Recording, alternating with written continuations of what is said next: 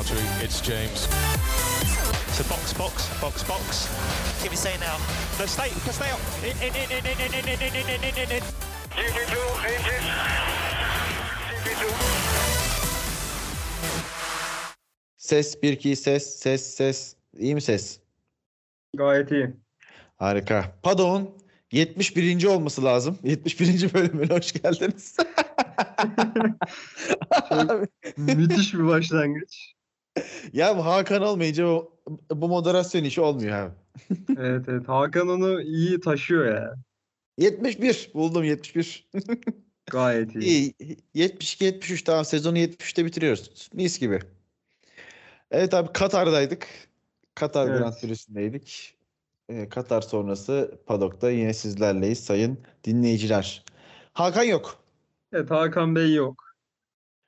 Ee, Hakan şimdi bak Batu ee, hani mesela burada ee, hepimiz belli başlı yarışlara katılamıyor biliyoruz mi? Podcast'lara yarış sonrası ama hani bir tane bahane söylüyoruz ve geçiyoruz. Bu Evet. adam 24 saattir 3 farklı bahane saydı abi. Önce son dedi. bahanesi he, son bahanesi de internet. Heh, dedi ki internetim çok kötü mesajlarım bile ulaşmıyor. Ulan bak ben yalancıyı gözünden tanırım tamam mı? Çünkü daha önce de söylemiştim ben ben, ben de iyi yalancıyımdır. Nasıl bir Yani- ortama düştük arkadaş. 3 tane bahane sıralıyorsan çok acayip bir yalan söylüyorsundur. Buradan Hakan'a bunu ileteyim. Yani Hakan'ın yalan söylemeyeceğini düşünecek kadar iyi kalpli bir insan olmak istiyorum. Umarım bir sonraki podcast'te bu iddialara cevap verir diyorum. Ah, abi yarışa geçmeden tabii şimdi hani şey açıkçası benim hani bir maruzatım var. Şimdi dolardan bahsetmeden ya da dolara üzüldüğümüzü söyleyip e, geçmeden içimdeki duyguları tarif edemem. Yani e, maalesef e, paramız değer kaybederken tabii ki hepimiz üzülüyoruz. Hepimizin kafası orada. Hatta hani iki gündür başka bir şey düşünemiyorum mesela ben. Ama tabii ki yine de programı yapmak zorundayız. Bizim de kafa dağıtma yöntemimiz diyelim. Yani bizim de izleyicilerin de ya da dinleyicilerin de yani yapacak bir şey Tabii yok. ki. Bir yandan da kafa dağıtıp devam etmek lazım. Kesinlikle abi. Evet, toprağı da tebrik edelim başlamadan. En azından güzel haberler de var abi ya. Evet, toprak gerçekten hani eee, Kenan Sofuoğlu'nun çok uzun süreli bir projesiydi abi. Yani Kenan Sofuoğlu hani ben şahsen şeyini eee MotoGP'de barınamama e, hikayesini çok hüzünle açıkçası e, karşılıyorum yıllardır yine Kenan Sofuoğlu'nun ama hani Kenan Sofuoğlu'nun en azından e, yarışlara veda ettikten sonra böyle bir misyona işte girip ben başka yarışçılar yetiştireceğim bu ülkeden demesi ve toprağı ben hatırlıyorum 15-16 yaşlarında toprağı aldığını hatırlıyorum kendi Tabii. himayesine. Hani o yaştan itibaren alıp toprağın buralara gelmesinde çok büyük emeği olduğunu düşünüyorum. Hani tüm diğer siyasi olayları bir kenara bırakırsak ben burada Kenan Sofuoğlu'na da bir tebrik göndermek istiyorum Toprak'la beraber. Abi kesinlikle katılıyorum. Yani bu gerçekten büyük bir hizmet oldu ya. Yani abi hem uzun süre destek oluyorsun hem yani şeyde de gördük pistte de birçok yarışta zaten gitti orada destek olmaya. Yani Toprak için de çok büyük bir şans. Kenan Sofuoğlu iç- için de çok güzel bir misyon. Yani gayet iyi bir birliktelik. E buradan bir şampiyonluk da çıktı. Hem de yani kolay değil sonuçta 6 senelik bir egomanyaya zor e, son verdi. Hani inşallah Toprak'ın da söylediği gibi e, 2023'te bir MotoGP çok iyi olur Toprak için bence.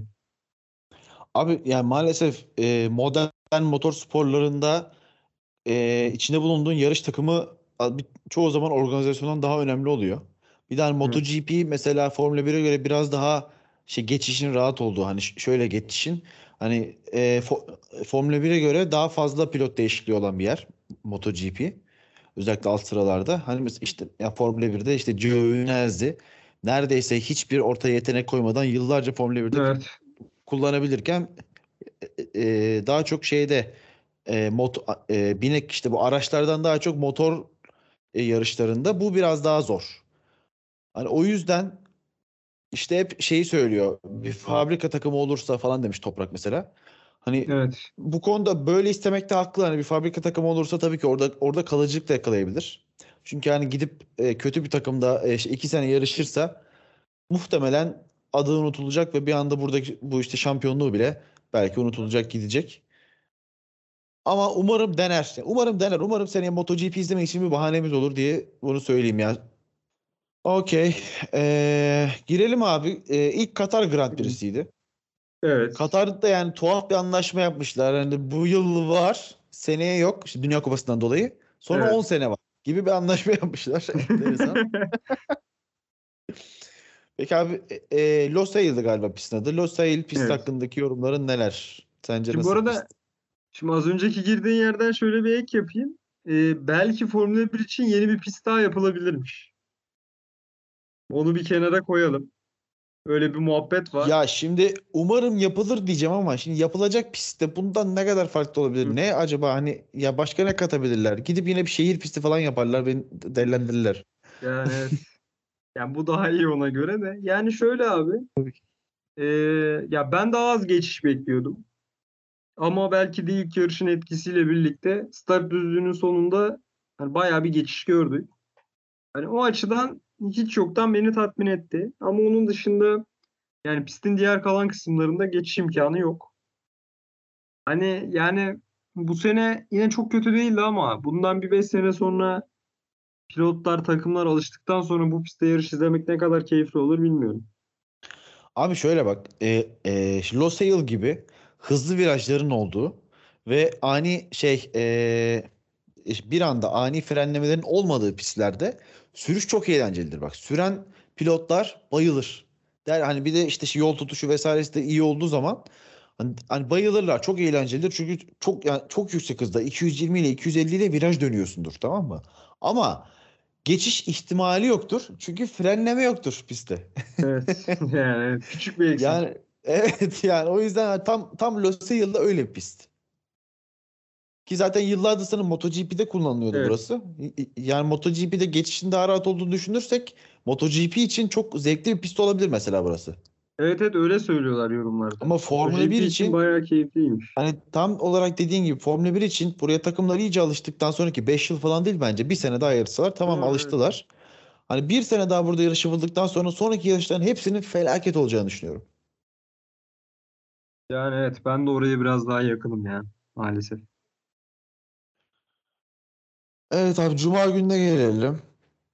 Cuma günü bir haber gördüm ben. Hamilton'ın işte e, bu son e, Brezilya'da taktığı motora değil de eski motorla yarıştığını söylemişlerdi ve Verstappen de Cuma günü daha hızlıydı. Hem e, şeyde birinci antrenman hem ikinci antrenmanda Hamilton'ın önünde bitirdi. Hani tabii ki bu bir şey değil biliyoruz ama sanki Verstappen daha hızlı olacak gibi bir his- hissiyata kapılmıştım Cuma günü. Evet evet yani bir de o motor haberi gelince biraz herkes şey olmuştu ya acaba Verstappen kafa tutabilecek mi sorusu soruluyordu. Tabii Mercedes'in de yani oradaki motoru getirmemesinin sebebi herhalde dayanıklılık. Yani onu son iki yarışa taşımak istiyorlar o motoru.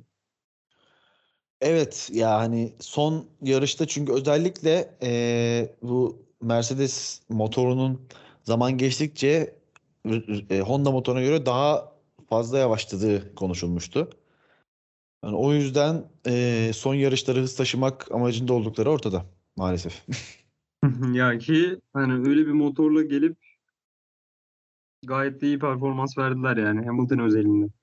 Evet aynen öyle. Bence Bottas da hızlıydı yani. Bottas da iyiydi. Yarışa geçelim. olmasa. Yarışa geçince konuşuruz.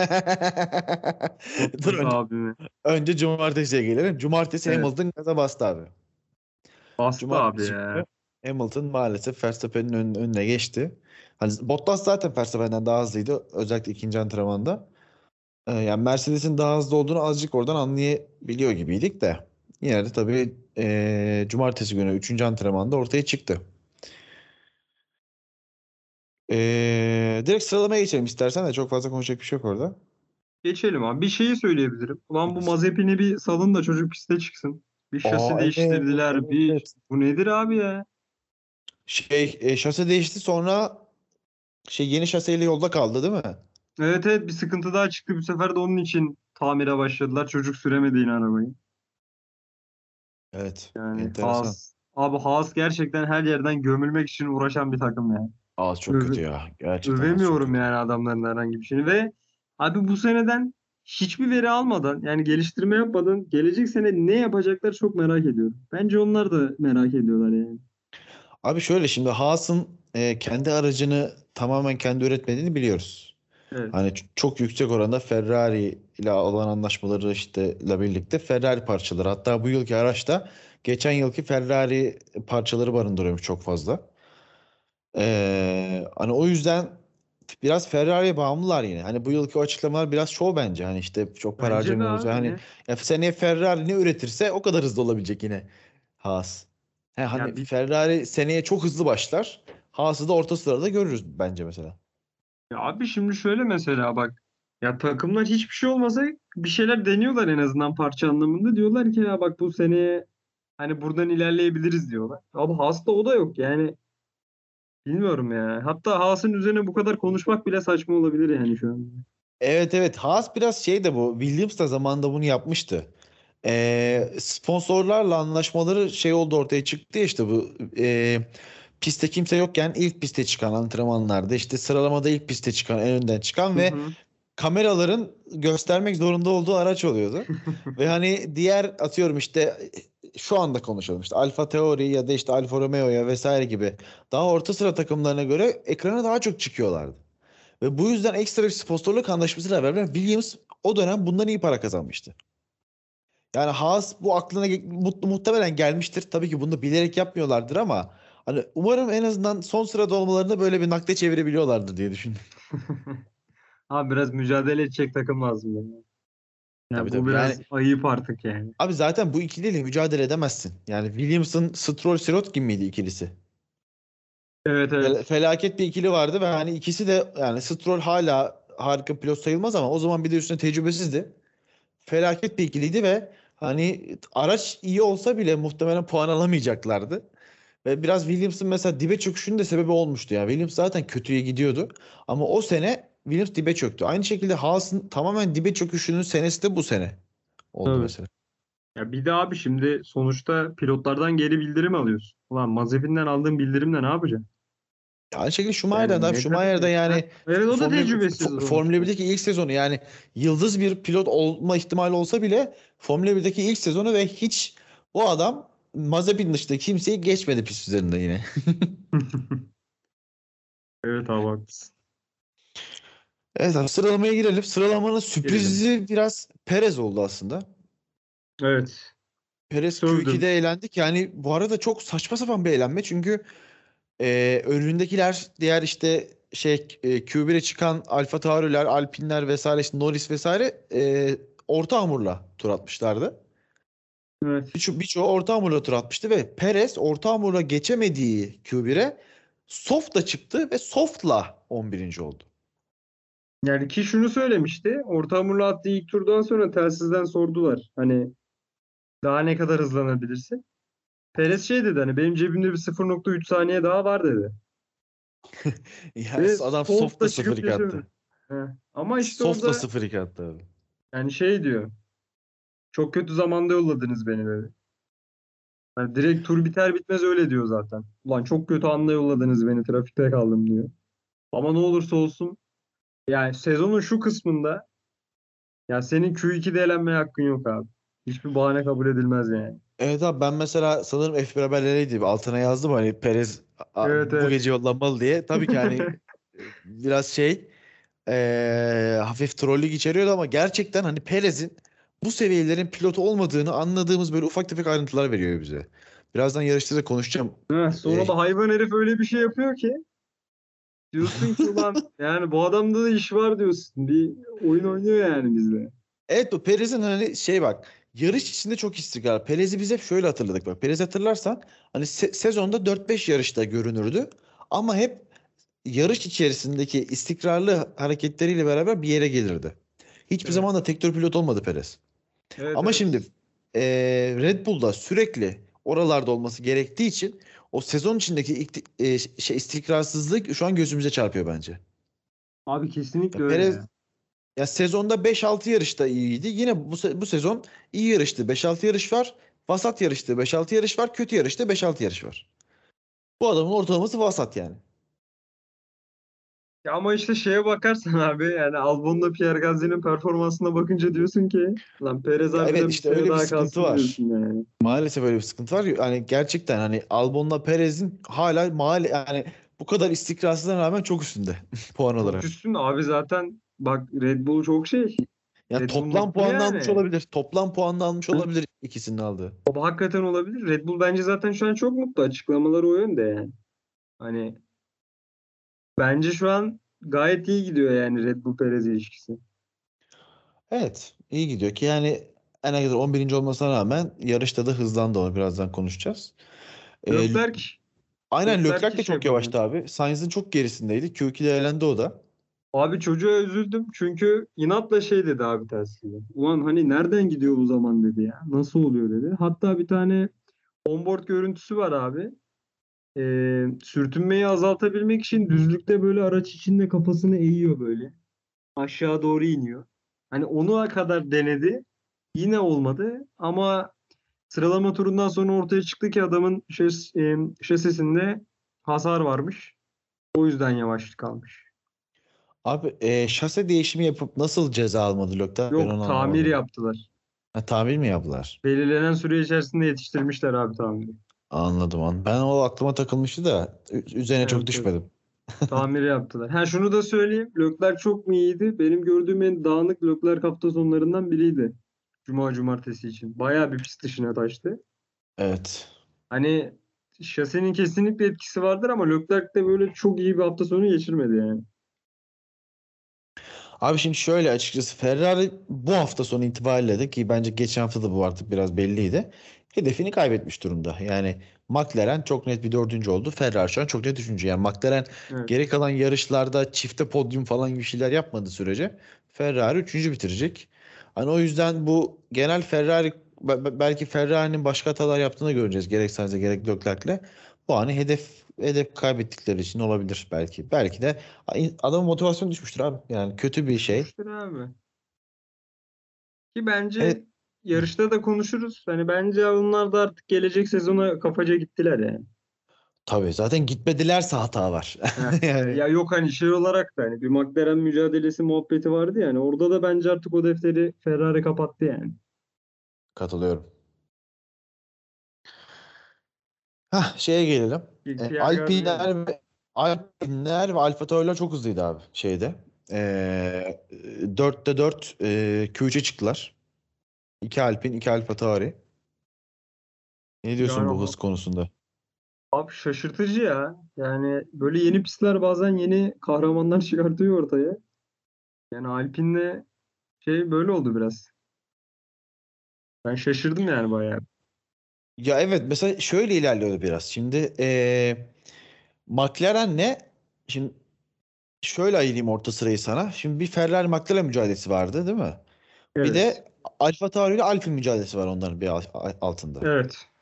Şimdi orada mesela McLaren'le eee şey Alpine aynı hafta sonu hızlı oluyorlardı. Çünkü McLaren'in de işte Mercedes motoruyla beraber büyük bir avantajı vardı. Alpine'in de hızlı virajlarda ve uzun düzlüklerde bir avantajı var. Aracın şeyi eee, şey aerodinamik yapısı itibariyle. Evet. Heh, karakteristiği itibariyle. Ferrari ile de Alfa Tauri aynı hafta sonu hızlı oluyordu. Hani böyle bir orantı vardı ama saçma sapan bir şekilde Ferrari ile McLaren ikisi birden daha yavaştı. Alfa Tauri ile Alpine üstteydi. Yani bu bilmiyorum e, dinleyicilere ve sana anlatabildim mi? Biraz belki karmaşık oldu anladım. ama Yok yok hani e, şey tuhaftı yani hiç Alfa Tauri ile Alpine'in ikisinin birden bu kadar hızlı olduğu ve direkt Mercedes'le Red Bull'un arkasında olduğu bir hafta sonu daha önce görmemiştik. Evet yani zaten ya iki açıklama var. Bir sıralama turu sonrası telsizden Alonso şey dedi. Hani araç çok iyi hissettiriyor. Hani tüm gece sürebilirim burada dedi. İkincisi de Ocon mu Alonso mu hatırlamıyorum. Sıralama turundan sonra şey söyledi abi. Ee, ya araç çok iyi hissettirdi. Bunu niye diğer pistlerde hissedemediğimizi araştırmamız lazım tarzı bir şey söyledi. Yani onlar da şaşırdılar biraz bu performansa. Hayır bir de şöyle şimdi bazen bazı pistlerde hani özellikle bu e, üstteki iyi takımlar için değil de orta sıradaki e, e, takımlar için hani bazen araba araç çok iyi hissettirir ama hızlı tur atamazsın. Hani olur yani en hızlı tur atamazsın ama araç iyi hissettirir. Öyle bir şey de değil. Yani hem arabayı hissettirdi hem de hani atılabilecek en hızlı turu attı bu adamlar. Evet. Ki yani Çok iyilerdi. e, yani daha hızlı çok yavaş kalan hani Ocon ve Tsunoda da Q3'e kalmaya. O da önemli. Dediğin gibi Evet, o evet, dörtlü evet. olarak kalması çok önemli. Evet abi Q3'e geçelim. Gasly'nin kazası Q3'ün sonunda ki yani kaza olmasa da e, Hamilton pole almıştı. Alacaktı. Yani aynen pole almıştı. İkincisi Verstappen olacaktı muhtemelen. Ki Verstappen e, yine işte işte Gasly'nin kazası sonrası oraya oraya atlamayalım bir dakika. Gasly'nin kazasında e, ön kanadı kırıyor ve ön kanat lastiği yarıyor gibi Evet. biraz saçma sapan bir olay yani aslında çok ciddi bir olay bence. Çok ciddi. Ya bir kere bak şimdi yine Katar'dan bahsedelim. Abi bu pistin körplerinde bir sorun var. Yani fazla yüksek. Lan çatır çatır herkesin şeyi gitti. Ya tabana hasar görüyor milletin ya ön kanadı. Ona benzer bir şey oldu Pierre Gasly'de. de. O Gasly'nin kaza yaptığı 14 müydü? 16. viraj mıydı? O ikisinden biriydi galiba. Ee, herkes orayı sürttü abi. Herkes Evet. orayı sürttü. Hatta Norris yani sıralamalarda mı antrenmanlarda mı hatırlamıyorum. E, tabana hasar verdi. Oradan geçerken. Yani herkes orada bir sıkıntı yaşadı. E, de hani çok şanssız bir şekilde yani e, ön kanadın kırılıp bir de gerçekten ortadan ikiye yardı lastiği. Tabii tabii Lastiği direkt gitti lastik ya. Görmüşsünüz hani şey değil yani lastiği böyle ucundan bir delik açıp da patlatma gibi bir şey olmadı. Ortadan ikiye yardı abi. Ben başta körp yaptı sandım. Eğer bunu körp yapsaydı o körp Daha oradan şey kaldırılırdı o gece. Evet O evet. gece kaldırılırdı. Ya bir de bir şey söyleyeceğim. Bu kritik anlarda Alfa Tauri sürücüleri Red Bull'u bitirdi ya. Lan adamlar full zarar. Ben böyle bir şey görmedim ya. Bir şey e? Sunoda Sunoda bir yerde Hamilton'ı savunmuştu abi tam hatırlamıyorum ama onun dışında hep zararlar evet. Abi şunu söyleyeceğim. Şimdi istiyorsan cezalara gelelim buradan. Aynen Hazır aynen aynen. kazasına. Aynen gir onlar abi. Şimdi abi şunu söyleyeyim. Ee, ya bir kere benim orada anlamadığım şey şu abi kazalar yani o olayla ilgili. Bilmeyenler için Bottas ve Max Verstappen grid cezası aldı. Şimdi abi olay oluyor. Şimdi sarı bayrak çıkması lazım. Ee, panellerde, pistte bulunan panellerde orada sarı kırmızı ışıklar yanıp sönüyor. Abi orada hiçbir şey yanmıyor. Araç e, direksiyonlardaki kısımda bir uyarı çıkmıyor. Sadece pistteki bazı görevliler bayrak sallıyorlar. Şimdi ben buradaki sistemi tam anlamadım abi. Yani pilot için zor değil mi sadece oradaki görevliyi görmek? Yani Abi en azından zaten bir şey daha olması lazım abi adamın görebileceği. Abi böyle durumlarda bu problemi çok yaşıyoruz ya bak bunu sıralama turlarında gerçekten çok fazla yaşıyoruz bunu.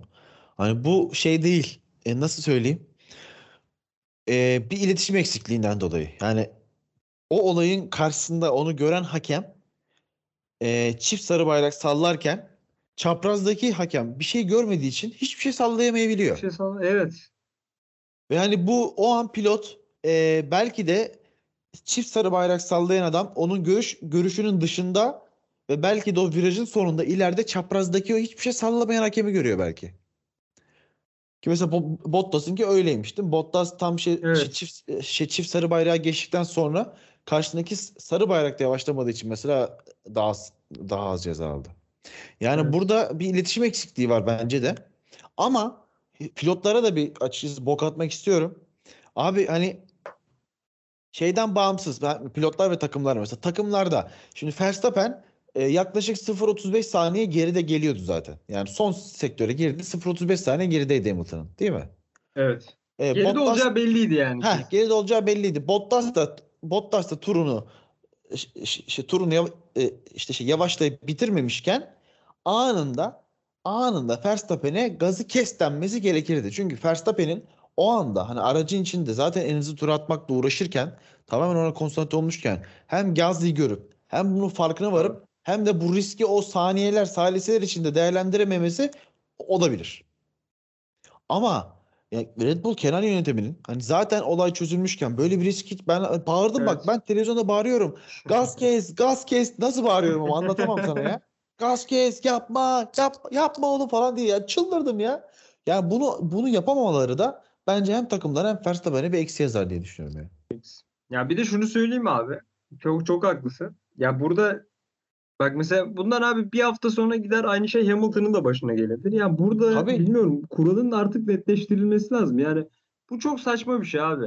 Ya adam 300'de giderken karşısındaki panelde yanmıyorken, kendi direksiyonunda yanmıyorken arka köşede bir tane görevlinin salladığı bayrağı görememesi bence olası. Ya buna farklı bir çözüm bulunması lazım. Kesinlikle yavaşlaması lazım sarı bayrak altında. Ona hiçbir şüphe yok ama ya sürücüye abi daha net olmaları lazım bu konuda. Abi şimdi şöyle bir şey de var ama. Hani bu e, mini sektörleri var ya bunların. Bu e, her mini sektörden işte yaklaşık bir hakem sorumlu. İşte e, e, köşedeki bir hakem sorumlu. Belki bazı e, şey pistin durumuna göre her mini sektör iki hakem düşüyordur ama hani her mini sektörün bayrak, sarı bayrağı, kırmızı bayrağı işte, işte çift sarı bayrağı bunların hepsi tek bir hakem tarafından oradaki görülüyor. Şimdi sen buradaki hakemin e, oradaki o mini sektördeki bayrağını tüm sektöre yansıtamıyorsun. Çünkü belki sektörün başında hızlı turunu atarak gelen biri var ve orada 3 saniyelik bir adamın işte şey dışarı taşmasından dolayı sarı bayrak olup hız kesip bütün arkasında gelen adamların hız e, e, işte turlarını bok edebilir. Hı hı. Hani o yüzden o, o mini sektördeki problemi sektöre yansıtamıyorlar. Tamam bunu da Evet. anlıyorum.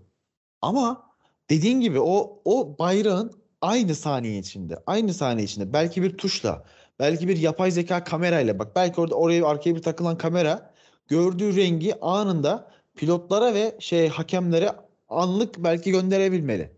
Bunlar şu an günümüzdeki teknolojilerde yapılabilecek şeyler. Abi araç 1 milim dışarı çıktı diye tur zamanı siliyorlar. Yani bunu Heh, da öyle. artık yani. Hani siz teknolojiyi kullanıyorsunuz çünkü. Bence de ben hani burada kesinlikle tabii ki ortada bir kural var ve bu kuralı eee, pilotlar maalesef uygulayacak. çiğnediler. Çiğnediler ama bunu daha iyileştirmek çok FIA'nın çok önemli hareketlerinden biri yani. Evet abi kesinlikle. Ya bunu çözmeleri lazım. Ha bu arada bak burada şunu da söyleyeceğim abi. Şimdi e, Carlos Sainz da komiserler kuruluna çağrılmıştı. O ceza almadı. Şimdi abi orada da şöyle bir saçmalık var. Abi Carlos Sainz de ayağını gazdan çekmiyor.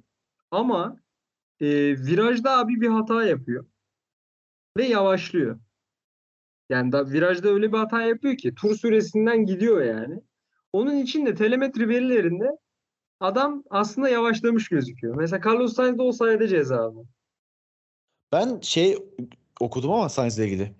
E, Gasly'nin aracını gördükten sonra gaz kesti. Yani o eğer de ben şey onboard'unu izlemedim Sainz'in çok önemsemedim Sainz'in cezasını ama hani eğer dediğin şey doğruysa da muhtemelen denk gelmiş. Tam Gasly işte virajı dönüp Gasly'yi gördüğü anda yap, eğer bir hatayı yaptıysa belki denk gelmiştir olay. Yani bir çünkü çünkü var. şeyde öyleydi. Yani e, yani okuduğum kadarıyla e, Gasly'nin aracını gördü. Evet e, şey sarı bayraklarda yavaşlamıyor ama Gasly'nin aracını o halde görünce hemen gaza basıyor. Fren. Pardon frene şans. Özür dilerim. O Evet, da bir özür şans. dilerim. Özür dilerim. Aynen öyle. Evet. Geçelim pazar abi. Geçelim Sıralamayı abi. gereğinden fazla uzattık bile bence. Ortada hiçbir şey Ama- olmayan sıralama turunu. Ha, harbiden ha. Nasip kısmet işleri hocam bunlar. Şimdi Verstappen'in ceza aldığı yarıştan önce belli oldu değil mi hemen? Abi şöyle. Pazar sabahı Bak, gitmiştik ha, kontrollere. bak orada da bir rezalet bir şey var. Şimdi normalde abi yarıştan 2 saat önce falan bir gridin açıklanması lazım. Abi yine çok geç karar verdiler. Yarışa yarım saat kala falan karar verdiler. Ya ben bu FIA'nın bu saçma uzatma işinden bıktım yani. Abi ben FIA'nın devlet dairesi gibi çalışmasına da bazen gıcık oluyorum. Yani telemetre verileri önünde. Evet. Yani yarım saatlik bir çalışmayla bu adamın frene basıp basmadığını anlarsın. Tamam mı? Anında geri dönüş alırsın. Yani adamı adama randevu verip işte yarın saat 11.30'da buraya geleceksin ve yarım saat bize ifade vereceksin gibi randevu verip yani bu işi bu kadar geciktirmesini de gerçekten anlayamıyorum. Yani Verstappen'i o an hani o an çağırabilirler. Zaten bu adamların hepsi oralarda akşama kadar çalışıyorlar. Evet. Ve bildiğim bildiğim kadarıyla e, pilotlar bundan muaf ama oradaki tüm çalışanlar ve hakemlerin mesaisi bütün hafta sonu boyunca yani 24 24 24 Tabii, saat tabii. gibi geçiyor.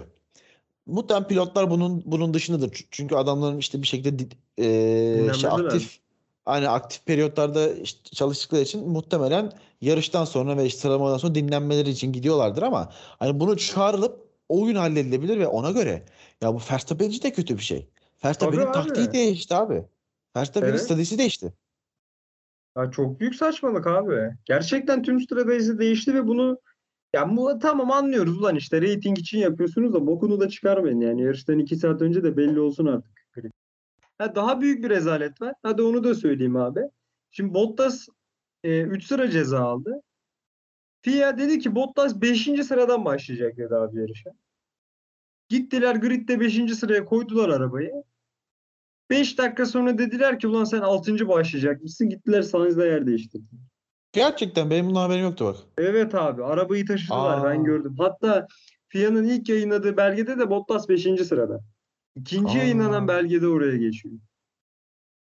Ben o günkü tabii Fenerbahçe Galatasaray derbisiyle aşırı neşir olduğum için abi yarışı gece 2'de falan izledim. Sadece sadece yarışı izlemiştim. Buna hakim değildim. bilmiyordum. Arkadaşlar ben de şunu söyleyeyim. Aynı gün ben ALES'e girdim. Çıktım Kasımpaşa maçına gittim. Oradan döndüm. Yarışı izledim. Sonra da Fener maçını izledim. Hakimim hepsine. Eyvallah. He, Bunlar Ales bahane değil hocam. Allah Teala Ales nasıldı? İyi. Sonra konuşuruz. Evet abi Hamilton önden rahat başlıyordu pazar günü. Alonso, Alonso dedi ki benim kaybedecek bir şeyim yok ben dedi. Liderlik için atak yapacağım. Vallahi bir şey diyeyim mi sana? Yani Ben heyecanlandım. eee, yapsa yapardı evet evet. Abi şey açıklaması çok iyi ya. İşte Alo, e, şey dedi Alonso. Hamilton starta yanlış lastikle, Pierre Gasly de yanlış yerden başlıyor. Ben liderlik için hatamı yaparım dedi. Eee, yani şimdi üçüncü, üçüncü olup podyuma çıkmasaydı ha siktir oradan diyeceğimiz bir açıklama ama üçüncü olduğu için diyemiyoruz da bunu. Ha, bu arada iyi de kalktı ha. Pierre Gasly önüne kırmasa harbiden bir atak deneyebilirdi yani Hamilton. Evet evet bence de bence de. Yani gayet iyi kalktı yoksa. Bir diğer iyi kalkan da Verstappen oldu. Verstappen hem Verstappen. iyi- iyi- hem iyi kalktı. Sanırım startta 3 tura kazandı. Kazandı. Dördüncüye geldi diye hatırlıyorum. Ee, hemen onun ardından da her turda bir kişi geçerek e, üçüncü ya da dördüncü tur olması lazım. Hamilton'ın arkasına geldi. Geldi abi. Bu startta Bottas kaybetti. Evet startta Bottas'ın yani e, o kadar gerilerde kaldı ki niye kaybettiğini anlayamadım bile. Mu- muhtemelen birinin arkasına falan kalmıştır.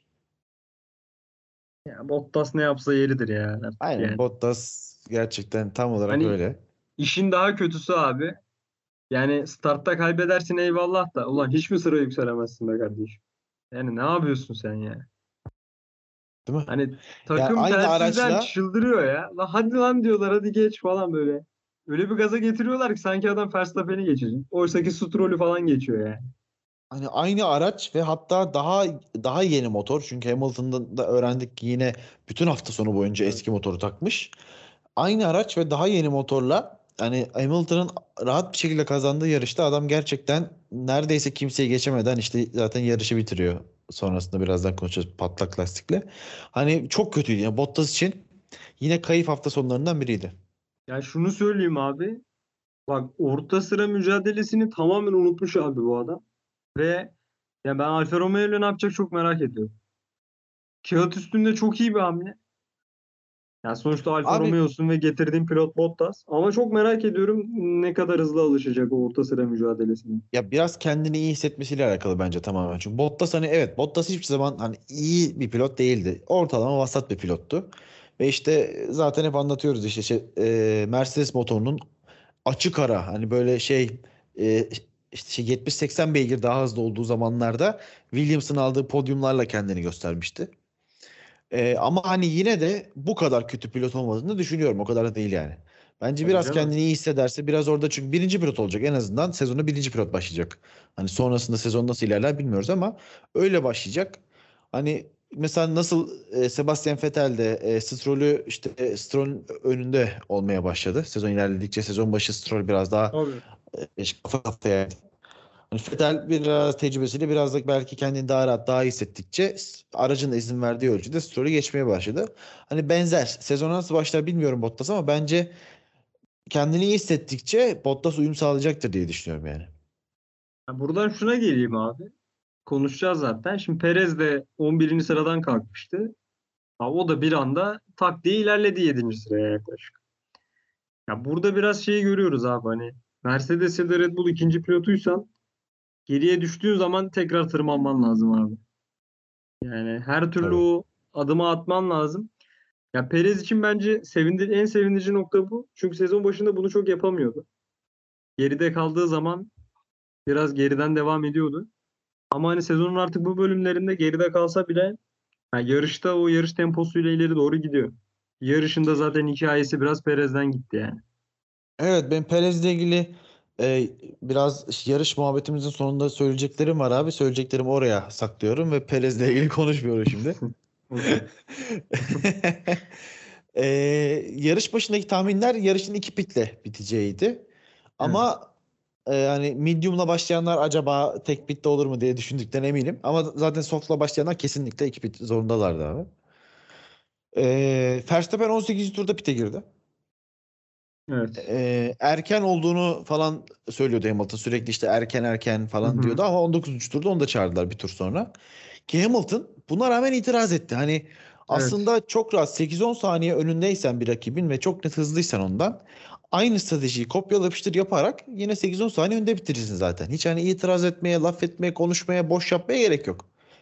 Hani sadece aynısını kopyalama, kopyalaması gerekiyordu ve zaten Mercedes'in şeyle de onu yaptı abi çok net bir şekilde. Yoksa hani şov yapıyor yani erken girdik erken girdik Tabii yani. abi. Ya Mercedes hani- zaten Hamilton'la çok iyi yaptı burada stratejiyi yani. Verstappen'i ne zaman alıyorsan bir tur sonra ben de alıyorum kardeşim Tabii diyor. tabii. Ki şöyle hani e, 57 turdu galiba yarış. Evet. Hani 18 19 19 falan gibi veya işte 18 19 20 gibi hani şey 3 pit aralı pitlere de işte her lastik atılan turu böldüğünde zaten neredeyse eşit hani 18 20 20 gibi düşün.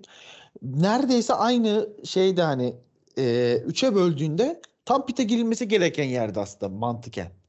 Ki hani aracın yarış başında daha ağır olduğunu ve ortalamalardan daha da az gittiğini düşünürsek lastiğin hani 18. tur pite girmek için ideal bir turdu. Ki Hamilton 19'da girdi. İdealdi yani. O yüzden ben Hamilton'ın oradaki itirazını biraz gerçek yani biraz böyle hani şey Hamilton'a da sallamaya yer arıyor gibi oldum ama biraz gıcık oldum.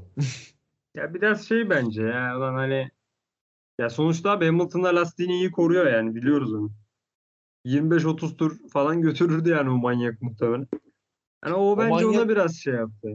O manyak götürdü ama işte Bottas'la sprinti uzatan Mercedes'e lastik patlaması şoku da geldi abi. İşte bu. Güzel geldin evet. Ya şunu gördük abi bu pistte kolay kolay tek pit stop şu lastiklerle yapılamayacakmış yani onu net bir şekilde gördük. Ama biraz çok uzatmadılar mı? Şu an şeye bakacağım. Bottas'ın patlattığı tura bakacağım da. 33 33. Abi çok uzattılar. 33 çok ama ya. Yani hani 18-19'da e, Verstappen işte lastik bitti deyip giriyorsa bilmem ne hani e, çok abi çok. Gerçekten çok. Abi bak 33'te girsen pite 24 tur sert lastikle gideceksin. Yani niye medium'la daha bu kadar uzun atıyorlar ki turu? Ben Olay mi? çözemiyorum Aynen yani. bak olay çok mantıksız. Yani bunu çok temel bir şey ve sürekli tekrarlıyoruz ama yarış başında ağır araçlarla lastikler daha fazla aşınıyorlar. Yani yarış başında mesela atıyorum eee, hani zaten zaten medium ve hard eğer kullanacaksan hani eee, yarışın 5'te 2'sini medium'la 5'te 3'ünü hard'la mesela götürürsün değil mi? Evet abi. Ekstra bir de yarış başında araç ağırken medium'la bu 5'te 2'den belki birkaç tur daha az atarsın. Ama hani man gerçekten bu mentaliteyi ben de anlayamıyorum. Hani şey mi dediler bir hani acaba şöyle bir 40 tur gideriz ki, ki çok yaklaştılar 40 tura. 40 tur gideriz sonra bir 17 tur e, soft atarız podyuma çıkarız gibi falan düşünmüş olabilirler. Ki böyle bir şey yapsalar belki de tutacaktı. Tutabilirdi. yani. Ki hani Fernando Alonso'nun soft'la 26 tur attığını da gördük. Tabii Ee, Vettel'in de 26'sı var. O konuda 27'si var. Hadi ben de arttırayım. Evet evet Yani iyi tur attılar. An Angelina Norris de 28 atmış. Ya bayağı atmış. Soft'la atanlar attı abi.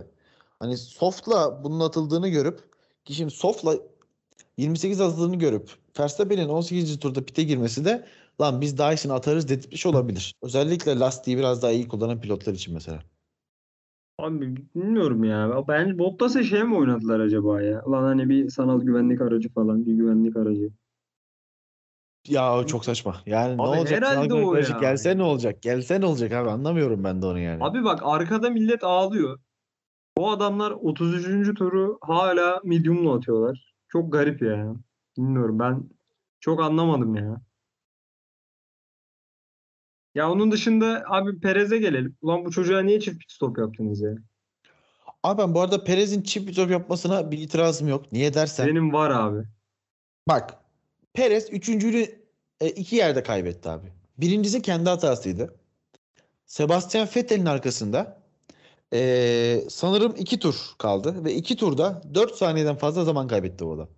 Okey. Yani ve şey hani e, yarışı izlerken yani çıldırıyorum. Yani yarışı izliyorum abi hani çok temel bir pilotluk becerisi ki bu sanırım ya önceki yarışta ondan önceki yarışta yine Perez'in geçişteki problemiyle ilgili konuşmuştuk burada. E, çok temel bir problem abi. Hani ha, Brezilya'da konuşmuştuk. Şey sürekli e, ilk viraja yanlış giriyordu. Ha, evet evet evet. Burada da abi yani e, start finish düzlüğün sonunda sürekli dışarıda kaldı. İşte Sebastian Vettel'le iki tur boyunca sürekli dışarıda kaldı, dışarıda kaldı, dışarıda kaldı. Halbuki önceden içeriye alsa alsa zaten yeni lastikler ve hani çok rahat bir şekilde daha iyi araçta içeriden işte geç frenajda çizgiyi tutabilecek. Ama ısrarla dışarıda kaldı ve iki tur arkasında kaldı abi. Pit çıkışı iki tur arkasında kalması ona 4 saniye kaybettirdi. O benim benim gördüğüm. Belki de daha fazla ya da daha azdır ama ben minimum 4 saniye diye düşünüyorum. 4 saniye kaybettirdi. 2 saniye 2 saniye daha yavaş tur attı adam. E, e, e, Vettel'in turuyla Alonso'nun turunu kıyaslarsak. Burada 4 saniye kaybetti. Bunu attık mı cebe? Attık. Bir daha yarışın sonunda son işte 7 turun 5'i biliyorsun e, şeyle e, güvenlik aracıyla e, ne diyorlar ona? Ne, sanal güvenlik Sanal aracı. güvenlik aracı. Aynen sanal güvenlik aracına koşuldu abi. Ve fark tam 4.7 saniyeydi sanal güvenlik aracı geldiğinde. Sanal güvenlik aracı son tur çıktı biliyorsun. Ee, yarış 2.5 saniyeli bitti galiba. Hemen bunu doğrulayayım ki sonra e, bu adam da Patlamayalım. e, yalan söylüyor olmasın abi. E, aradaki fark şu an açılsana 2.8'de bitmiş abi. 1.9 saniye tek turda kapatmış bu adam. Abi bak Ki hani sadece bak o yaptığı hatayı bir kenara koyuyorum. Sondaki sanal güvenlik aracı çıkmasa bile bence 7 turda çok rahat geçecekti diyorum ve sizlere bırakıyorum Batucuğum. Abi benim anlamadığım şey şu. Red Bull. Şimdi abi pist üzeri pozisyonu Red Bull çok kolay harcıyor pitlerde. Yani hiç şey yapmıyorlar. Pist üzerinde biz şu konumdayız demiyorlar yani. Abi Perez zaten tırmalamış tırmalamış 3. sıraya çıkmış. Yani abi bu adam atsın uzun bir stint ya. Ya bu adam zaten lastik koruma konusunda bence griddeki en iyi 5-6 pilottan biri. Bence Ya en iyi benim- 2-3 pilottan biri hatta. Bak evet bak. Abi bu adamla dene yani bu stratejiyi. Bak bir de şöyle bir sıkıntı var abi şimdi ikinci pite aldıkları zaman abi adam 7. ya da 8. sırada döndü. Önünde hem Norris vardı, hem Ocon vardı, hem Stroll vardı. Ya önüne 3-4 araba birden koydular. Sadece hani şey de değil. Atıyorum Alonso ile aranda 20 saniye olur onu eritmeye çalışırsın eyvallah. Araya bir de 3-4 tane araba koyuyorsun sen. Ya ben bu kadar kolay vazgeçmelerini anlamıyorum pist üstü pozisyonda. Abi ama bak şöyle bir şey var. Perez ilk stintini 19 tur medium atmış. Tamam. Şimdi yani ilk sti- 19'dan sonra harta geçip e, 40 tur atamazsın. Abi ben bak işte benim için zaten orada başlıyor. 19'da niye giriyor abi Perez? Perez'in Abi- zaten lastik koruma becerisi yüksek. 30 tur şey 27 tur atan var şeyle. Medium Abi şimdi, lastikle. tamam da şimdi bu konuştuğumuz çok farazi yani koruyamamış olabilir ya da stratejileri direkt bu olabilir. Hani Abi- yarış başında bunu, bunu düşünülmüş ve ki hani Hamilton'ın Verstappen'in falan da bunu yapıp e, neredeyse herkese tur bindirerek yarışı bitirdiğini düşünürsek hani o kadar da kötü bir taktik de değil çift bit yani. Bak Perez de ama şikayet etti çiftten. Biz niye çift pit stop yapıyoruz dedi. Ha İşte bak şöyle abi ilk tura 19'da girdikten sonra tek bit yapamazsın işte. Ha işte. Onu diyorum yani. Hani evet bak başta bu değerlendirilebilir. Başta Perez bu aynı itiraz yapsaydı Perez haklıydı. Ama yani zaten böyle konuşmuşsun. 19'da girmişsin tura şey pite. Ha sonra niye tek bit diyemezsin çünkü 40 tur hardla gidemezsin yani. Hardta da 40 tur atan yok yani. Hardta en fazla atan 30 tur atmış. Tabii evet Leclerc Ferrari'ler attı ya. Evet Ferrari attı. Onun dışında 30'dan fazla atan yok. Bir de, Evet. La- bir de şey e, Latifi atmış 32. Adam ya. Sonra da lan lastiği patlatmadın mı? Ha, evet. Harbiden 60 kardeşim 32 tur. Ulan işte bilgilendirme böyle yapılır ya. Helal olsun sana. Yani 40 tur atamıyormuş ha.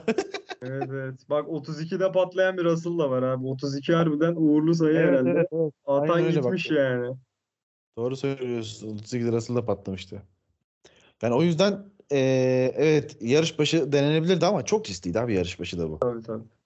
Ne olacağı Doğru. bilinmiyor ki. Bence hani Alonso'nun yaptığına gelirsek Alonso'nun yaptığı bir mucize. Mucize. Güzel abi ya. Softa 26 tur atıp ki eee, hani neredeyse çok yakın bir tur sayısında Bottas lastik patlattı. Eee Softa 26 tur atmak yine zaten o anda yarışta bir şeyler yapacağını o 26 turdan sonra belli etmişti Alonso. Abi işte bak bu hani katil içgüdüsü derler ya böyle bir şey abi. Evet abi inanılmaz. Bak gerçekten bu tamamen abi bu Alonso'nun bu yarışı yani katil içgüdüsü. Abi adam resmen dedi ki ben dedi podyumu alacağım dedi ya. Alacağım dedi yani. Ve 7 yıl sonra podyuma çıktı adam. Ben bugün tweet attım abi. Adam son podyuma çıktığında dolar 2.1 liraymış ya. Yani o kadar eski. Adam şey ya e, yani bu yıl başında Alonso işte tekrar geri döndüğünde şey diyordu. Tabii ki yarış kazanamayız ama bir podyum alsak bu bundan sonraki e, işte bundan sonraki seneler için çok güzel bir umut olur diyordu. İçimden lan ne podyumu demiştim. E, bir kere daha göt oldum Alonso sayesinde. Abi bir şey söyleyeyim mi abi? Ben inanılmaz mutlu oldum ya Alonso için. Hakikaten. Evet, evet. Yani çok mutlu oldum abi. Zaten adam da çok mutlu oldu. Yani Abi o Alonso'nun bir de şimdi Alonso hep yani o e, şampiyon olmak isteyen yani her şeyin en iyisini yapmak isteyen pilotlar bazen de çirkeflerdir, bazen egoistlerdir. Alonso'da da bu oluyordu. Ki ben özellikle hani mesela Mercedes zamanı çok sinirinin bozulduğunu, çok hani yapmak istediği hiçbir şey yapamadığını ve artık yarışmaktan falan şey tiksindiğini zamanları hatırlıyorum. Ve çok agresifti. Önüne geleni salladığı, Tabii. önüne gelenle problem yaşadığı ve ondan sonra bir şey hatta biz burada onu bulmuştuk. Alonso'nun gittiği her takım bir sene sonra canavar gibi oluyor. Çok iyi oluyor. Bunu gördük. Bayağı son 15 yılda Alonso gidiyor. Öbürsü sene takım bir anda uçuyor. Puanını 3'e katlıyor falan. Öyle şeyler gördük yani. Hani o yüzden Alonso'nun böyle bir negatif, böyle bir toksik de etkisi var gibi geliyordu. Ama bu yıl hem Ocon'un dedikleri hem işte takım içinden gelen işte aynı mühendislerin beraber çalışması falan gibi şeyler Alonso'nun da hani bir şeyleri aştığını Tabii. yani artık e, sadece kendi başarısı değil de hani hem takım hem işte hani belki o konuda eğitmek bir yerde. Çünkü yani aralarında neredeyse 15 yaş var öyle az değil. Tabii tabii. Ee, hani öyle bir şey değil. E, e, 5-6 yaş olunca bile daha büyük olan küçüğü eğitir deriz. Arada 15 yaş var yani. E, o yüzden arada çok ciddi bir yaş farkı var. Belki hani kendine öyle bir misyon edinmiş ve ben daha e, daha böyle e, e, takım çalışması odaklı olduğunu falan görüyorum. O yüzden sevindim. Eğer eski çirkef Alonso olsaydı bu kadar sevinmezdim. Tabii ki şey de demişti. Bunu bir yarıştan sonra Ocon da söyledi. Hani beni dedi uyardılar dedi işte hani Alonso biraz tehlikeli bir takım arkadaşı olabilir. Yani o tarz bir şey söylemişti ama işte görüyorum ki hiç öyle değil. Hani hep yardımcı Evet oluyor falan Alonso'nun. Alonso'nun kariyerini bitirdiği takım arkadaşları var. Abi Van Dorn ya adamı Ya Van- şimdi şöyle Van Dorn'u. Hani şimdi Van Dorn'u şey psikolojik baskı dışında zaten pilotajıyla yolladı hani. O ayrı mesele. O Van Dorn'un berbattı. İnanılmazdı ya. Sıfır abi adam hiç sıralama turunda geçirmedi ya. Ha bu arada şey de diyeceğim abi bak şey de bu dediğin şeye örnek bence. Birincisi Alonso yarışta şey dedi. İşte Ocon'a söyleyin dedi aslanlar gibi savunsun falan dedi. Evet. O çok güzeldi. İki bir de abi Ocon'un ben yarış sonrası telsiz konuşmasını dinledim. Abi inanılmaz mutlular. İşte Fernando'ya tebrikler çok iyi. Takım için çok iyi. Size helal olsun falan. Yani içeride gerçekten şey olmuşlar. Ciddi anlamda kenetlenmişler yani. Bir Evet, mutluluk var hani takımda ya. Alpine'in özellikle işte bu şey e, Zafner transferiyle beraber falan seneye e, bir işte bir tık üstüne koyup e, devam edebileceğini düşünüyorum. Açıkçası öyle bir şey veriyorlar bana. Çünkü neydi bunların e, çok kötü takım patronu vardı bunların. Şey abi Tobul.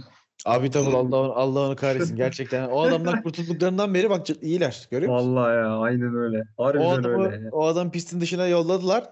Takım canavar oldu. Abi buradan bir şey yapalım mı ya? Bir McLaren ziyareti yapalım mı? Yapalım abi McLaren. önce. Bize ziyaretine ihtiyacı var McLaren'in. Yani abi yani şu bilgi çok acayip. Son 3 yarışta McLaren sürücüleriyle Kimi Räikkönen eşit sayıda puan almış. 4 puan. Ya bu inanılmaz bir istatistik ya. Ya şimdi tabii ki bu istatistik bir bir şeyleri anlatması için çok önemli. Ama hani şey olarak düşünürsek eee, yani Fernando Alonso da onlardan çok puan aldı diyebiliriz mesela. Yani Fernando Alonso da McLaren'in çok gerisinde. Hem Norris'in hem Ricardo'nun. Ama- 4 puan be abi. Ha işte evet problem 4 orada. puan ya. Yani Ee, şimdi şöyle McLaren'in yani pardon e, Norris özelinde Rusya'dan sonra bir moral bozukluğu zaten olağan bence bu arada. Ben de aynı şekilde kaybetsem bu sezonu kafada bitiririm. Derim ki tamam bu sezon yapacağımı yaptım. Burada da yarışı kazanamadım. Allah beni kahretsin derim. Kafada bitiririm. Ben bunu anlıyorum. Ama McLaren aracında da ciddi bir düşüş var. Çünkü Ricardo da çok geri kalıyor. tabii. Ya, ya Ricardo hatırlıyoruz sezon başı gerideydi. Fakat sonra toplayıp he- hemen hemen Norris'le e, kafa kafaya bir yere gelmişti bir ara. Yani Rusya'daki felaketten sonra işte o moral bozukluğundan sonra Mer- e, pardon McLaren de sanki çökmüş gibi. Hani bu sadece Norris değil McLaren de sirayet etmiş gibi geliyor. Abi öyle bir de bak şimdi F1 sezonu böyle çok olaylı olunca unutuluyor. Sezonun ilk yarışlarından sonra bayağı hava şeydi McLaren'de. Hadi işte seneye de olmaz ama ondan sonraki sene biz de şampiyonluk adayıyız falan kafasındalardı. Yani şu an bambaşka bir noktaya gittik. Bir anda Ferrari'den net şekilde yavaş bir hale geldiler. Bu hafta sonu e, yani Alpine'den de gerideler bence. Batucuğum, e, Mercedes motor takan takımları bir düşünelim tamam mı? E, Williams sezona canavar gibi başladı. Aynı şekilde e, sezon başında Hamilton falan da hızlıydı. Yani kafa kafaya gelebiliyordu, yarışabiliyordu, bir şeyler yapabiliyordu. E, ama Williams sezonun ortasından sonra yavaşlamaya başladı. E, Alfa Romeo, Alfa Romeo diyorum. Aston Martin. Aston Martin özür dilerim. Aston Martin için de yani Aston Martin hiç- hiçbir zaman çok iyi değildi bu sezon ama e, son son 5-6 yarıştır onlar da bayağı yavaşlamaya başladı. Evet. Son 5-6 yarıştır McLaren de çok ciddi yavaşlamaya başladı. Son 5-6 yarıştır Bottas da bence çok bayağı yavaşlamaya başladı. Bir tek Hamilton hızlı. Niye? Çünkü Hamilton Mercedes'in son model geliştirilmiş yepyeni motorunu kullanıyor. Yani bu biraz e, Mercedes'in o e, sezon ortası Red Bull'un patır patır 3'te 3 yaptığı, e, 5'te 4 yaptığı zamanlardaki daha yavaş motoruyla da alakalı olabilir mi diye düşünüyorum. Abi olabilir. Yani ama ya yine de McLaren çok düştü ya. Yani bu Evet, kadar evet. düşmemeleri lazım abi. Çünkü abi bak sezonun o atıyorum 3. 4. yarışından sonra dinleyip podcastleri biz muhtemelen ulan McLaren ne yapmış falan diyorduk yani. Tabii artı şeyi de ekleyelim. E, Ricardo'nun yarışının sensör hatasıyla bitmesini de ekleyelim. Hani bu da McLaren'in konsantrasyonuyla hani verdiği ciddiyetle alakalı bir problem bence. Yani bir Bence de. sensör hatası var. Yani bir sensör hatasını kimse fark etmiyor ama adam araç %100 çalışır durumdayken daha yavaş tur atmış sensör hatasından dolayı. Bak, Ya tur başına neredeyse 2 saniye yavaşlamak zorunda kalmış ki tur başına 2 saniye ne demek ya? Ya aynen zaten 3 tur öyle gitsen Bitti yarış elden yani. gidiyor. Tabii yarış Aynen elden öyle. gidiyor. Yani Abi bu bur- McLaren biraz şey yaptı diyebiliriz evet. Saldı. Bur- buradan Ferrari'ye geçelim. Orada da Hakan'ın tam özel tersi. isteğine gelelim Heh. abi. Hakan'ın özel isteği. Abi Ferrari başarılı bir çift pit stop yaptı. Ben şoka girdim. Yani sadece şey değil. Yapabilmesine değil hani bunu denemelerine de çok şaşırdım. Hiç beklemiyordum yarışın o anında. Ve Sainz 2.2 Leclerc 2.4 saniyeyle enfes bir çift pit stop yaptılar. Bak şimdi pite geldikleri zaman da abi Leclerc'in daha acil pite gelmesi gerekiyordu. Pist üzerindeki pozisyonu dolayısıyla tamam mı? Ama önce Sainz'i aldılar. Eyvah dedim. Şimdi Leclerc bir tur daha böyle atacak. İşte e, e, şey e, gerisinde kalacak ve dedim işte yarışı bok olacak dedim. İnanamadım. Arkasından Leclerc geldi. Adamlar aynı stratejiyi iki pilota da uygulayıp sanırım arka arkaya bitirdiler değil mi onlar? Evet arka arkaya bitirdiler. Tabii 7-8 bitirmişler. Vallahi gayet iyi. Vallahi evet yani bir şey var zaten. Yani kendileri de söylüyorlar hani gelecek sezonun motoruyla ilgili çalışmaların hani böyle bir güncellemeyle getirdiler bu sezona. Ki şunu söyleyeyim. Özür dilerim lafını böldüm. Söyleyeceğini Yok söyle. söyle söyle sen. Hani getirdiler diyecektim ya başarılı oldu motor. Yani şu yine şey olmasa sanal güvenlik aracı yine olmasa ikisi de muhtemelen Stroll'ü geçecekti. Çünkü Sainz 0.6 saniyeyle bitirdi. Leclerc de Stroll'e olan farkı 1.8'di. Ki yani son turlarda hızlanarak geldiklerini düşürürsek Ferrari'lerinde muhtemelen eee sanal güvenlik aracı olmasaydı 6-7 değil 5-6. Pa- Pardon 7-8 değil 6-7 bitirecekti Ferrari. Stroll'ü geçip. Yani ki sezon başına göre çok iyi bir performans. Kesinlikle. Ki şöyle aslında McLaren de eski formunda olsa belki bu yetmeyecek üçüncülük için. Ama McLaren de zaten çok gerideyken eee, Ferrari ufak ufak araya açmaya devam etti. Evet abi.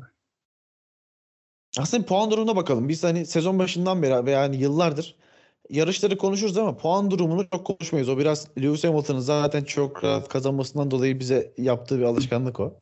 Evet. Ama artık bu hesapları biraz yapmaya başlamamız gerekiyor sanırım. Max Verstappen 351,5 puanda, Hamilton 343,5. O son anda Verstappen'in eee Hızlı turu. hızlı turu da önemli burada. Eee, yani Verstappen Suudi Arabistan'da şampiyon olabilir. Şu an öyle bir durum var. Evet. Verstappen- Hamilton patlarsa Verstappen birinci olur eee, ve en hızlı turu alır. Hamilton altıncı olursa şampiyon. Ya da en hızlı turu alamazsa Hamilton yedinci olursa şampiyon. Bu uzak bir ihtimal. Ama şöyle ki hani eee, iki yarışı da iki yarıştan birini kazandığı zaman Verstappen o büyük olasılıkla şampiyon olacak gibi bir durum var aslında. Evet. Hani birini ama, cid- kazansa birini podyumda bitirse. ama cidde çok zor duruyor. Yani bunu da Evet. söylemek lazım Ya abi. ikisi de zor duruyor. Şimdi şu andaki e, Mercedes'in yeni motoruyla ki yani özellikle bu hafta kullanmadıkları Brezilya'da ilk kez kullandıkları yeni motorla beraber yani şu an her yer daha zor tabii ki. Ya yine abi Abu Dhabi belki bir ihtimal ya. Yani bir bir şey olur da yani ciddi pistinden benim hiç ümidim yok Red Bull için.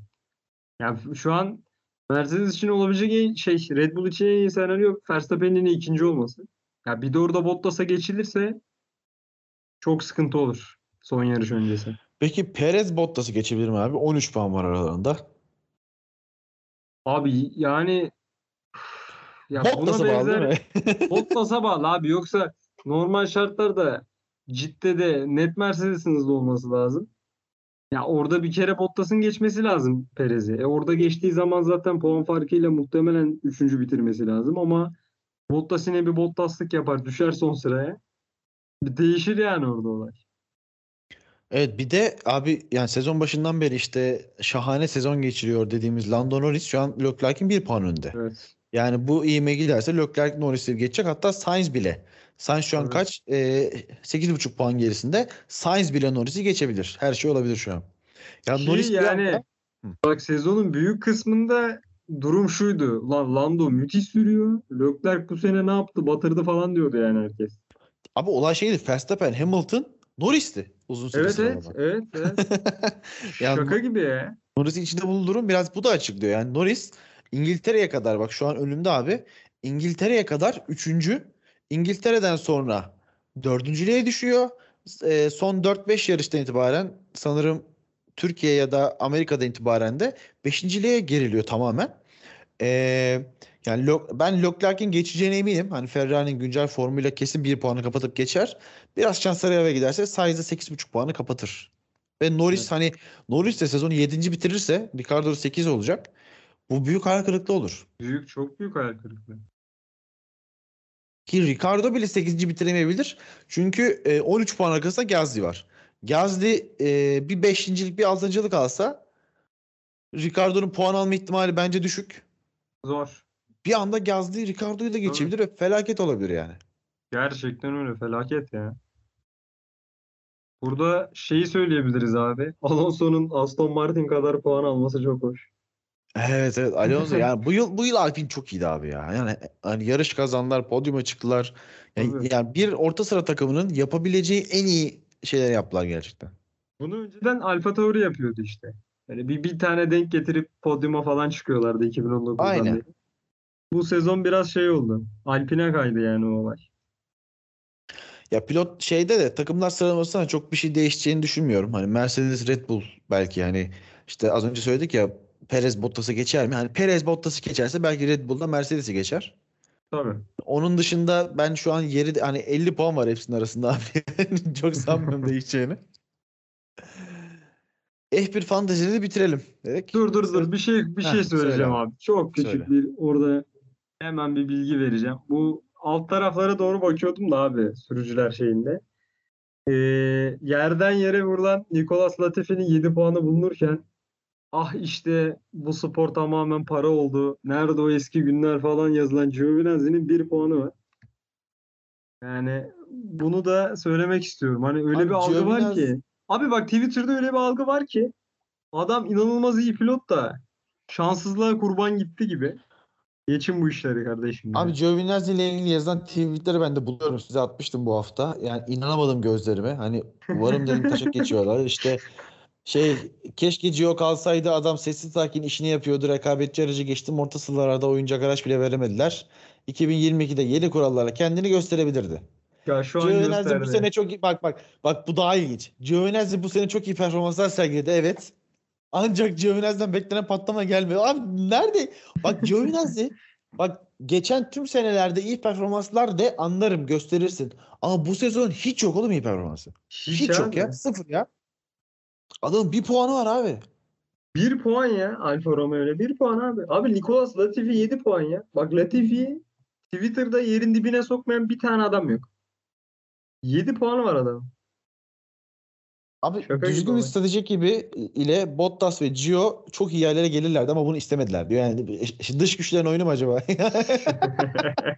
Abi ne kadar saçma sapan şeyler söylüyor. Gio bak birçok duyarı anlayabiliyorum tamam ama Giovinazzi duyarı hayatımda ilk kez gördüm oğlum. Ben Abi böyle bir şey evet yaşamadım ya. ya.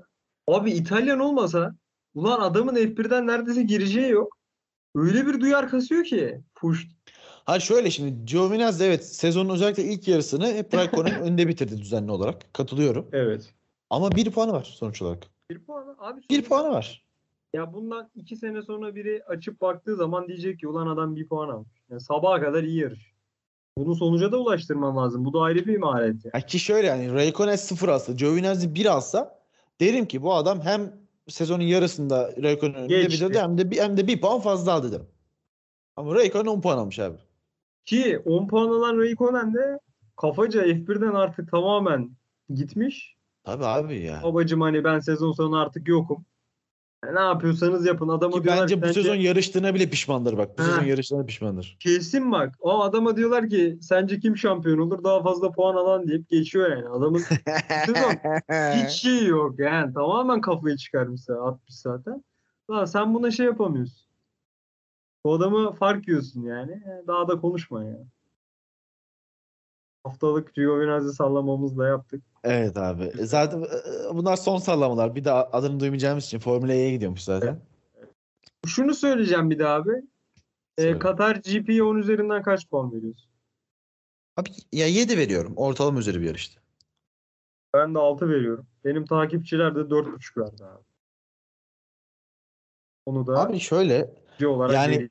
Dört buçuk bence çok şeydi yani hani yarışın içinde bir gerilim vardı sonuçta. Hani hem bir lastik patlama gerilimi hem işte Alonso'nun podyuma çıkma gerilimi hem Perez şimdi Perez podyuma çıksa Red Bull çifte podyum yaptığında e, aradaki farkı daha da eritmiş olacaktı. Hatta belki 4 Hiç yani aynı puana gelecek ya da bir puan fark olacaktı arada. Hani bu gerilim bu hesaplar kitaplar bile yeterdi. Aynı şekilde yarışın sonunda hızlı tur. Bak bunların hepsi bir gerilim. Bunların hepsi sezon sonu başımıza gelebilecek şeyler. 3-4 kişi lastik patlattı. Norris, Russell, O- işte Latifi, Bottas. Yani bence heyecanlı bir yarıştı. Güzel yarıştı. Yani 7 bence tam ederi gibi geliyor. Yani 6 da okey ama 4.5 çok az. Ya bana biraz şey gibi geliyor. Liderlik mücadelesinin olmadığı her yarış bir noktada puandan kısıyor abi insanlar. Ya kesinlikle öyle. Kesinlikle yani hiç başka hiçbir şey olmasın ama birinci ile ikinci birbirine girsin 10 verilir, 9 verilir ama alt sıralarda çok acayip şeyler oluyor. Tabii. Bunu atlamamız gerekiyor. Ve bu sene gerçekten mesela geçen senelerde üst üst tarafta hiçbir şey olmuyordu da alt taraftaki çok sıradan olaylara bile of neler oluyor falan dediğimiz oluyordu ama bu sene abi kaynıyor aşağısı, kaynıyor yani. Ya bu sene Gasly'nin performans Gasly'nin Tsunoda'yı puan olarak 5'e katlamasına kitap yazılır bu sene. Abi abi. Abi bak şimdi kendi arasında McLaren Ferrari kapışması var. Sezonun belli kısmına kadar Alpine, Aston Martin, Alfa Tauri bir üçü kapışıyordu. Aynen. En altta Williams Alfa Romeo kapışması vardı. Onun daha ne olabilir bir sezonda? Ha, Abi bak yani- Haas dışında herkesin rakibi vardı abi. Evet evet yani bak e, Russell podyuma çıktı. Ocon yarış kazandı. Alonso podyuma çıktı. 13 Yani- bak 13 kişi podyuma çıktı ya bu sezon. 13 Evet. farklı kişi daha Ki ne bu- abi? Bu özellikle özellikle Mercedes'in e, dominasyonu başladığından beri 5 olurdu, 6 olurdu. 6 olduğu sene iyiydi hani bir tane sürpriz giriyordu araya. 5 olurdu çünkü işte iki Ferrari olurdu hızlı ilk zamanları. iki Mercedes olurdu, bir tane de Red Bull girerdi. 6 olduğunda bu sayı işte Red Bull'lar da başarılı bir sezon geçirmiş olurdu falan mesela. Evet. Hani e, ben bu bu seneyi yani zaten sezonlar çok iyi. Yarışı da gerçekten beğendim. Yani tabii ki işte zaten Hamilton'da bir problem olsa, oralarda bir şeyler olsa yarış 10 olacaktı ama 7 oldu. Evet abi. Epi Fantasy'de hızlıca gireyim abi. E, son düzlüğe girdik ve hani e, bence kapanmayacak farklar var artık. 3977 farklı tema 1 Mustafa İnel lider. Bir arkasında üç- 3903 puanlı Elder Team var. Ve hani sanmıyorum ki 77 puan 2 haftada ka- kapansın. Onun da arkasında Kırmızılım sana yandı canım. La Onur V var. Hani burada biraz işler belli olmuş gibi. Ben biraz canım sıkkın. 10. oldum abi. Senin takımlar geriledi Batucuğum. Ya Skuderya, de- Fenerbahçe ve Skuderya bu sene de mi kanseriz? Ee, çok gerilediler. Ama şöyle bir artıları var. Hani Fenerbahçe bir derbi galibiyeti aldı. Hani o çocuklar en azından bir sevinecekler Oğlum yani. ama ne yendik. Şimdi burada söylemek istemedim ama. Ya tarihi bir derbiydi gerçekten. Yani iki yani 89'da 2-1 olan maç 1-2'ye döndü. İnanılmaz. O harbiden ha. Acayip bir dönüş. Darısı şeyin başına ya. Formula 1'in başına bakalım ne olacak. Yok yok yok yok yok. Hamilton'ın kazanması anlamına gelir. Bak aman kalsın ha.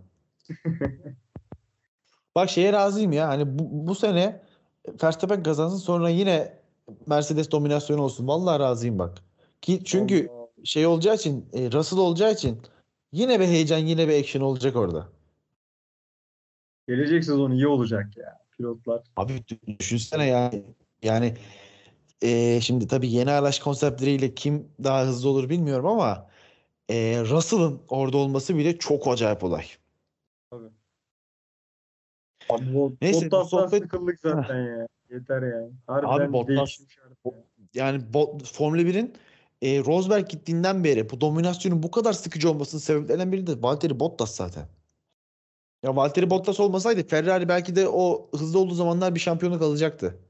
Bottas şey e, sezonun ilk yarısında 8 tane yarışta Vettel'in önünde durup da Vettel'in e, işte yavaşlamasına sebep olup Hamilton'ı işte pit stratejisiyle hem Vettel'in önüne taşımasaydı bu adam zaten başka şeyler olabilirdi belki de. Tabii. Abi kapatalım. Bence e, Katar için yani Katar Grand Prix'sine şey yapılabilecek en uzun podcast'i yaptık. Sanmıyorum ki bizim gibi bir saati geçen podcast bu bu yarış yapılsın. Şunu diyebilir miyiz abi? Katar'da bu kadar konuşulmamıştır ya. Kesinlikle. Bir de yine Hakan'ın olmadığı yarışlardaki konu dağınıklığı ve sohbet muhabbet evet. tabii buna şey oldu. Hakan olsa bu podcast 35 dakikada biterdi. Abi Şey olurdu. e, 30. dakikada gruba yazardı beyler 30 oldu diye. bizim abi ikimiz yaptığımızda şey oluyor bak böyle bir 45'ten sonra falan olay bir şey oluyor. Muhabbete Bir şey diyeceğim bu arada. Bence bu podcast yine iyi geldik ya. Akışa uyduk. Baba ben, ben Akışa Bayağı- Neredeyse tamamen. yani bu kadarı yeterli bence. Gayet iyiydi yani bence çok iyiydi. Açısı. Ee, 3 haftada 3 podcast yapmaktan tabii ki biraz bunalmış olsak da şu ara iyi gelecek abi. Abi ara olsun Ee, Allah aşkına ben bıktım ya. Ulan tamam Ben de ben de. de salın yani ben cumartesi pazar ailemi görmek istiyorum ya. Hafta sonlarım anlamsız bir hal. Ya, seni yine şey Kasımpaşa Formula 1, Kasımpaşa Formula 1 arası geçiyor da. Abi yani Harbiden öyle ya. adam Kasımpaşalı oldu ya bu yarıştan sonra. Kasımpaşa Ben maçlarına giden varsa yazsın kardeşim Paddock Podcast'te buluşalım. Valla çok az kaldı Emre Belezoğlu sayesinde ben de Başakşehirli olacağım. Hazır bu tarafta oturuyorum abi. Başakşehir maçlarına şey stadına 15-20 dakika uzaktayım. Vay, Vallahi. Başakşehirli olacağım. Vay arkadaş vay. İyiymiş. Neyse hadi kapatalım abi. Artık bu son kapatalım demem olsun. Üçüncü bak, oldu. Toprak Razgatlıoğlu'yla başladık. F1 konuştuk. Derbi konuştuk. Kasımpaşa, Başakşehir konuştuk. Bence Böyle bir beşliği kimse bir podcast'te bulamaz abi. Yani Bu, bunların içinde birkaç entelektüel içerik daha böyle işte bir e, sanattı, sinemaydı da eklesek olağanüstü bir şey olacak zaten. hocam onu ekleyebilsek daha farklı yerlere çıkarız. Daha üste çıkarız. Bir stüdyoya geçeriz yani. Neyse bir sonraki bölümde abi e, görüşmek üzere diyelim. Kendinize iyi bakın. E, teşekkürler dinlediğiniz için.